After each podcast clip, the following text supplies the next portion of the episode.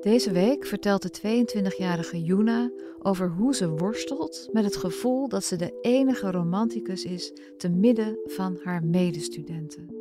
Ze voelt zich als een vreemde eend in een grenzeloze wereld. En dat klinkt misschien allemaal heel deprimerend, maar toch vertelt ze daarover met een grote lichtheid die mij bijzonder charmeert. En voor we beginnen wil ik eigenlijk nog even zeggen: tijdens ons gesprek die middag vond er naast ons een borrel plaats op slechts enkele meters van de opnamestudio. Het zorgt voor een zacht rumoer dat af en toe hoorbaar is in de aflevering. Maar misschien moeten we proberen daar de poëzie van in te zien. De buitenwereld maakt kabaal, terwijl een jong meisje probeert uit te leggen waarom ze, als ze de kans zou krijgen, een uitstekende geliefde zou zijn. Dit is de liefde van u.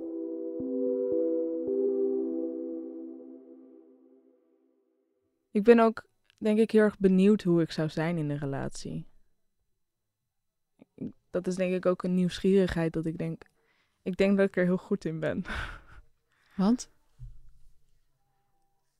Omdat ik heel liefdevol ben. Ik, denk, ik ben heel trouw en, en, en als, je, als je in mijn hart zit, dan moet je echt iets heel erg ergs doen om, om er weer uit te geraken. Maar zelfs alle vriendschappen die zijn afgelopen, die mensen zitten op, op een bepaalde manier nog steeds diep in mijn hart en ik geef nog heel veel om ze. Ja, ik denk dat ik heel veel te bieden heb in dat opzicht. En daar kan je nu geen kant mee op? Ik stop het nu in vriendschappen. Maar ja, ik kan mijn vrienden geen bosje, bosje bloemen geven. kan wel, maar na een paar keer wordt dat een beetje. Nou, is dat gewoon ook niet. Ik krijg er niet voor terug wat ik ervoor terug zou willen. Hoe stel je de liefde voor met een man? Heel fijn dat ik altijd iemand heb die ik kan bellen. Uh, ik, ik zou het heel leuk vinden om gewoon door het park te lopen en dan iemands hand vast te kunnen houden. Of, of lekker kroelen in bed, lekker bij elkaar liggen in, in zijn armen of, of andersom. Dat is denk ik wel het, hetgeen dat ik het meeste mis. Fantaseer je daarover? Ja, elke avond. Hoe ziet dat eruit? Je gaat naar bed en dan, wat denk je dan? Nou, dan ga ik op mijn zij liggen en dan stel ik me voor dat iemand zo een big spoon wordt dat iemand een arm om me heen slaat en gewoon vraagt aan me hoe mijn dag was. En ook echt oprecht geïnteresseerd is in hoe mijn dag was. Heb je het gevoel dat er om je heen en, en door, door iedereen een spel wordt gespeeld waarvan je de spelregels niet kent en misschien ook wel niet wilt kennen? Hmm, niet direct. Ik denk dat ik. dat ik mijn eigen spel nog niet snap dat ik zelf nog niet snap wat ik precies wil. Maar je hebt het net heel duidelijk geformuleerd. Je wil iemand die elke nacht een arm om je heen slaat voor je gaat slapen. Ja, dat is waar. Vind je het moeilijk om daarvoor uit te komen? Het gaat met vlagen. Soms vind ik het totaal niet moeilijk. En dan zeg ik het zo. En dan soms denk ik, waarom is dit überhaupt wat ik wil? Waarom maak ik mezelf het zo moeilijk in deze omgeving? Waarom kan ik niet gewoon? Met allemaal verschillende mannen het bed induiken. Maar je bent toch niet de enige 22-jarige die op zoek is naar een relatie? Dat weet ik zeker dat ik dat niet ben. Alleen in mijn kring is dat wel. Er wordt niet over gesproken. Het is een soort taboe. Wat is die kring? Ja, de kring van de Design Academy. Uh, de kring van alle creatieve mensen die, die heel open-minded zijn. En misschien door hun open-mindedness soms vergeten wat de basis kan zijn. Op een hele rare manier zijn alle mensen om me heen heel erg mijn type. En, en zou ik daar zo verliefd op kunnen worden? Maar willen zij het niet? Althans, nog niet. Wat bedoel je daarmee? Mensen zijn zo bang om, om zich te settelen met iemand. En dan niet eens per se settelen als in we gaan de rest van ons leven samen doorbrengen. Maar meer settelen ook in het uitsluiten van alle andere mensen. ja, de, de hele community of de Design Academy. Het is een community van mensen in open relaties of polyamoreuze relaties. En gender, dat speelt niet een hele grote rol. Waardoor, nou, zeker in mijn eerste twee jaar van de Design Academy, heb ik ook met mijn seksualiteit gestruggeld. En in zo'n opzicht dat mensen naar mij toe kwamen op feestjes en tegen me zeiden: Ja, ik heb een hele goede B-radar. Dus dat ze kunnen zien of iemand B is of niet. En met de conclusie: Ik denk dat jij B bent. Waarin eigenlijk een hele soort van toxic situatie ontstond. En ik zo erg ging twijfelen over mijn eigen seksualiteit. Dat ik ja, een soort van maar uit, uit de kast ben gekomen als bi. Uit een soort van wanhoop. Om erbij te passen. En dan na een half jaar weg zijn van de Design Academy er eigenlijk achter komen: oké, dit is het niet. Maar ik vind wel dat dat nou, goed weergeeft dat eigenlijk anders zijn de norm is. En dat ook in relaties. Een echte monogame relatie, ja. Ik denk dat ik drie mensen ken op mijn school die een monogame relatie hebben. En de rest van de relaties zijn allemaal polyamoreus of open. Of wat voor vorm dan ook. Dus je daarin. Nou, ik weet heel zeker dat ik monogaam ben. Dus het is best wel lastig om je dan in een omgeving te wenden waarin mensen polyamoreus zijn. En ik ben er ook wel in meegegaan. Ik heb een tijdje met een meisje gedate die polyamoreus was. En toen ik daar uitkwam, merkte ik eigenlijk dat dat echt helemaal niks voor mij was. Dat ik daar alleen maar heel jaloers van werd. Niet eens per se jaloers, maar gewoon gestrest. Ook omdat er geen open. Er was geen communicatie over. Dus het was gewoon van: ik kan ook met andere mensen gaan. En sowieso ook omdat het een vrouw was en ik eigenlijk merkte dat ja, vrouwen niet mijn ding zijn. Dus dat is ook wel een soort van moment geweest dat ik dacht van oké, zet je er gewoon buiten. Je hoort er niet bij. Ga vinden wat wel voor jou is.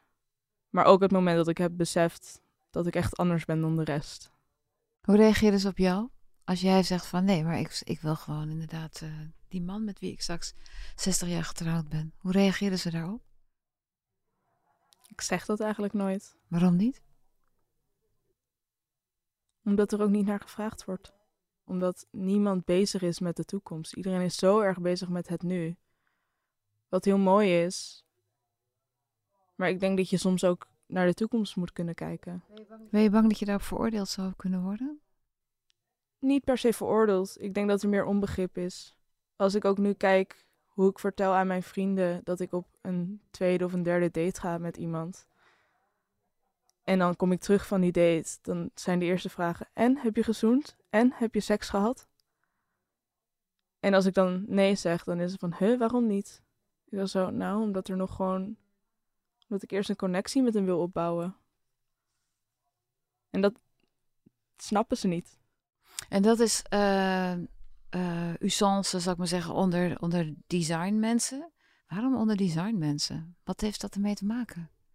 Misschien is het niet alleen onder designmensen. Um, ik denk dat het ook iets van mijn, van mijn generatie is. Waarin, nou, ook wat ik om me, om me heen hoor, is dat heel veel mensen geen kinderen hoeven. Waardoor er ook nooit een verlangen ontstaat om met iemand voor heel lang samen te zijn. En waarom willen mensen geen kinderen meer? Verschillende redenen. Milieu, of het excuus, ik wil mijn kinderen niet opvoeden in deze wereld. Een excuus zeg je? Ja, want ik denk niet dat het zo, onze wereld nu zoveel slechter is dan de wereld 50 of 100 jaar geleden. Wat doe je eraan om het wel te vinden? Kijk, je kan te concluderen van ik zit in, op, een, op die Design Academy. En daar hebben mensen andere wensen dan ik. Ze zijn opener en ze willen uh, wisselende contacten. Maar wat doe je ervoor om wel iemand te vinden die, die bij jou past? Want buiten die wereld is er natuurlijk, er nog duizend andere werelden. Ja, ik heb een hele tijd gedacht, ik laat het gewoon even gaan. Um, en als ik dan weg ben bij de Design Academy, dan gebeurt het misschien dan. Maar nu ben ik toch weer aan het tinderen. Het enige wat ik merk is bij Tinder is dat ik ik ben niet aangetrokken tot hoe iemand er per se uitziet. Het is mooi meegenomen natuurlijk als hij knap is, maar het is voor mij echt hoe iemand loopt of hoe, hoe iemand praat, hoe die zijn woorden gebruikt. Maar waarom kan je niet uh, buiten die omgeving iemand zoeken? En misschien is Tinder wel niks voor jou. Ja, dat, dat is het ook. Ik denk dat Tinder ook niks voor mij is. Maar dat is wel op dit moment de enige manier hoe ik me kan bedenken om buiten mijn cirkel te zoeken. Ik zou echt niet weten waar ik in deze tijd iemand vandaan moet halen. Stap jij wel eens op mannen af, op jongens af in cafés? Of in de trein maak je wel eens een praatje? Ik zou dat wel heel graag willen doen, maar ik kom dan gewoon nooit goed uit mijn woorden en dan. Ik denk dat ik ook iemand ben die moet zien bewegen, moet zien omgaan met andere mensen. Maar dat is juist in een bar en in een café en in een, op een terras. Ja, maar het is denk ik, als je nu op iemand afstaat in een, in een bar, dan. Ik weet eigenlijk niet waarom ik dat niet doe. Ja, ik doe het wel, maar uit lust. Uit one night stand. Heb je die? Ja, soms heel lang niet en dan opeens een paar achter elkaar. Maar ik voel me daar nooit fijn bij. Het is altijd wel een soort. Het doet ook pijn of zo om een one night stand te hebben. Waar zit die pijn? Dat die jongen niet geeft over hoe jij je voelt. Dat het voor hem echt puur seks is. En de, ik lig er altijd maar een beetje bij van ook zou het nu wel fijn vinden als je ook gewoon even een hand op mijn arm legt. En niet alleen maar denkt vanuit lust. Niet alleen maar denkt aan jezelf. Ja. En dat gebeurt. Ja. Want bedoel, dat hoeft natuurlijk niet, hè. Met uh, wat one night stands kan je natuurlijk ook voor die one night gewoon heel attent zijn. Het is denk ik ook niet nodig voor mannen om attent te zijn. Want seks krijgen ze toch wel ik moet ook zeggen dat ik denk ik ook bij One Night Stands minder hartelijk ben geworden. Of minder lovey-dovey op een bepaalde manier. Ik denk dat ik het ook ben gaan zien als puur seks. Omdat het gewoon geen zin heeft om het te zien als meer dan alleen seks. Is, heb je het idee dat het gecompliceerder is geworden dan... Absoluut. Ja, als ik kijk naar hoe mijn ouders samen zijn gekomen, Um, het was allemaal zoveel. De verhalen die ik daarvan heb gehoord. Ik weet natuurlijk, ik was er zelf niet bij. Maar de verhalen die ik daarvan heb gehoord. Is echt dat mijn moeder gewoon tegen mijn vader heeft gezegd: Ik vind je leuk. En toen was het. Ja, dat was het. En als ik nu kijk. Je moet elk ding dat je zegt tien stappen vooruit plannen. Of elk ding dat er gebeurt tien keer over nadenken of het wel het juiste moment is om dat soort dingen te zeggen. Of het juiste moment is om die handeling te doen. hey, je bent nu 22, hè? Dat is best jong. Zeker. Ik heb nog een heel leven voor me. maar begin je te wanhopen al? Ja. maar waarom? Omdat ik op, eigenlijk op mijn 26e mijn eerste kind wil en, en samen wil wonen met iemand. En als ik 80 jaar oud ben, terug kan kijken op 60 jaar huwelijk. Dat is wat ik wil. Maar ja, de langer het duurt voordat ik iemand vind, de minder tijd ik ook heb met diegene. Ik zou het gewoon heel mooi vinden om een hele lange tijd met de liefde van mijn leven door te kunnen brengen. Waar hebben je ouders elkaar leren kennen? Um, bij de studentenvereniging. nee, dat gaat me niet worden. En wat geeft je de overtuiging dat die liefde van je leven zo leuk is? Omdat ik ook heel leuk ben. dus ik, ik zou wel een hele leuke man tegen moeten komen. Ik denk dat het een hele lieve, grappige, spontane man is. Heb je een ideaal? Ik denk het niet. Mijn ideaal is dat iemand van me houdt.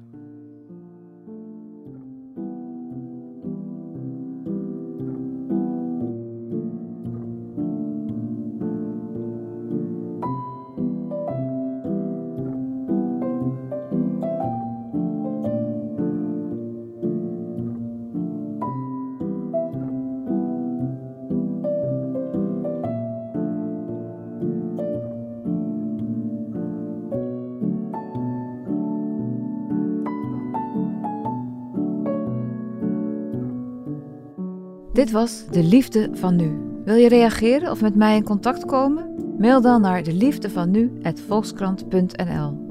Mijn naam is Corine Kolen. Ik maak deze podcast samen met Mona de Brouwer, tevens editor. Eindredactie en coördinatie is van Corinne van Duin en de begin- en eindmuziek is gemaakt door Juriaan de Groot. Dank je voor het luisteren.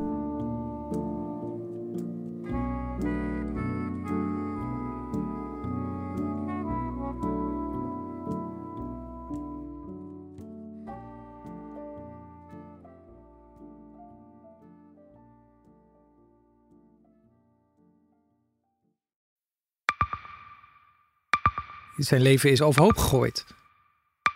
Plus dat heel veel mensen hem niet geloven. Vrienden niet, die, die denken, ja, hij is gewoon gek geworden. Hoe naar moet dat zijn? Als je vertelt over de meest indringende ervaring uit jouw leven en niemand gelooft dat je het echt hebt meegemaakt. Ja, ik vind zelf niet dat ik het verzonnen heb, maar sommige mensen denken dat wel. Maar hoe kom je erachter of jij het doelwit bent van een geheime dienst? Ik heb ook wel eens meegemaakt dat je het idee hebt dat inlichtingendiensten in je geïnteresseerd zijn. En dan kun je wel heel veel zien, wat er misschien helemaal niet is. Als ik s'avonds nog iets ging eten, dan volgden die mensen mij naar het restaurant. En dan terug van het restaurant naar het hotel. Als zij op een gegeven moment zei, kijk maar uit, want anders word je dadelijk nog voert ook. Shit, ik moet hier weg. Dat is, is niet goed. Nu word ik gevolgd. Een soort Truman Show is het gewoon. Hè? Alsof dat hele straatbeeld voor jou is ingericht. Maar dan wel met bedoeling jou niet door te laten. Dit kan geen toeval zijn. Een nieuwe podcast van de Volkskrant. Mijn naam is Simone Eleveld en samen met Huid Modderkolk ontrafel ik een bizarre operatie van de geheime dienst. Wat het doel ook is, jij verliest het. Ik werd opgepakt, heel lang ondervraagd. Maar hoe krijg je grip in een wereld die zo onderzichtig is? Als je zou liegen, dan zou je niet de meest relevante informatie twee jaar later tussen neus en lippen doorvertellen. Er zal nooit iemand zeggen: Oké, Bart, ik geloof je.